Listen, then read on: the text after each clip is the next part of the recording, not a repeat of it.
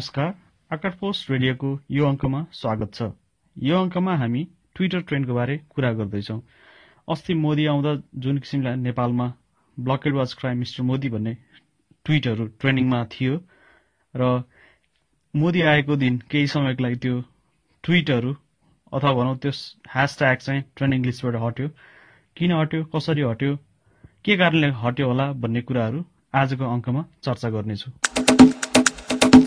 Blockade was crime mister Modi भन्ने hashtag चाहिँ मोदी नेपाल आउनुभन्दा अघिल्लो दिनदेखि ट्रेन्ड भइरहेको थियो। र त्यो त्यस ह्यासट्यागमा रहेर केही केही दिन पहिलेदेखि ट्विटहरू आउन सुरु भएको थियो।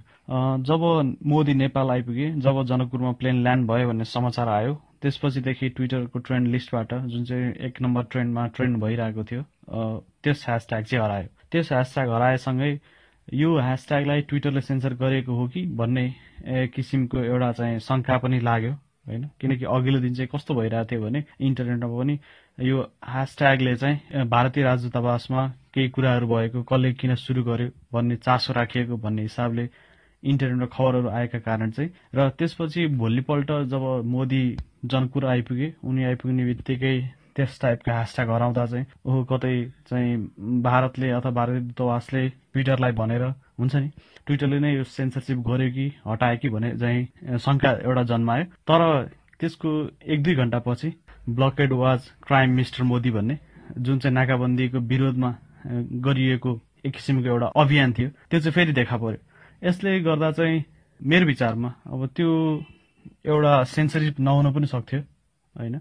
अब सेन्सरसिप नै भएको हो भने अब ट्विटरको आफ्नै कुरा होला होइन? कसरी के गर्यो भनेर।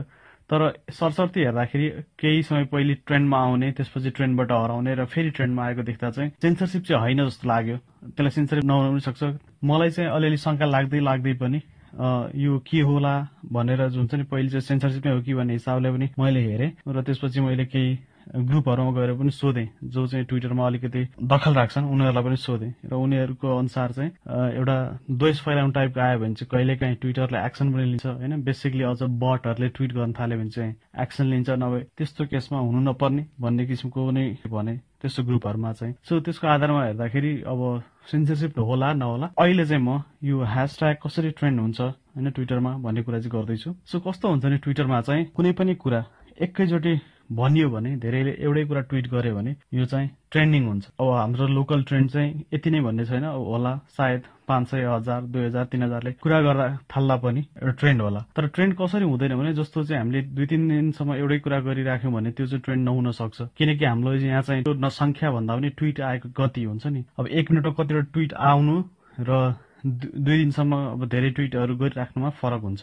सो त्यो मलाई के लाग्यो भने जब चाहिँ सबैले मोदी आउने दिन चाहिँ ट्विट गरिराखेको थियो त्यो ह्यासट्याग राखेर तर जब मोदी जनकपुरमा ओर्लिए सञ्चार माध्यमहरू लगायत सबैले हुन्छ नि अब मोदी चाहिँ नेपालमा आइपुगे जनकपुरमा ल्यान्ड गरिसके भन्ने हिसाबले ट्विटहरू गर्न थाले समाचारहरू आउन थाले। त्यसपछि एक्काइसी हुन्छ नि त्यो जनकपुर शब्द अथवा मोदीको भिजिटको कुरा चाहिँ एकैचोटि ट्रेन्ड भनौँ न धेरै सङ्ख्यामा एक्कासी आयो। किनकि त्यहाँ झर्ने बित्तिकै आएको। त्यो आउने बित्तिकै सुरु अघिल्लो दिनदेखि नै चलिरहेको ट्रेन्डहरू चाहिँ हराएर गयो। होइन जस्तो चाहिँ blockade was crime mister Modi भन्ने जुन ह्यासट्याग थियो त्यो चाहिँ हराएर गयो।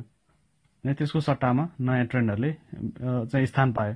तर के भयो भने फेरि त्यो सँगसँगै हामीले चाहिँ सेन्सरसिप हो कि भन्ने हिसाबले कुरा गर्न थालेपछि फेरि त्यस सम्बन्धी धेरै ट्विटहरू भयो। होइन सो लगभग त्यो ह्यासट्यागमा पचास हजारभन्दा धेरै ट्विटहरू भयो। मेरो अनुभवमा चाहिँ यो ट्विटको सङ्ख्या भन्दा पनि ट्विटको गतिले चाहिँ ट्रेन्ड निर्धारण गर्ने जस्तो लाग्यो।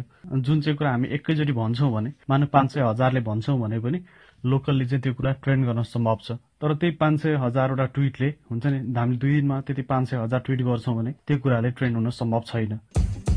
आशा छ आजको अङ्कले तपाईँहरूलाई ट्विटर ट्रेन्डको बारेमा बुझ्न मद्दत गर्यो होला। हवस् त धन्यवाद।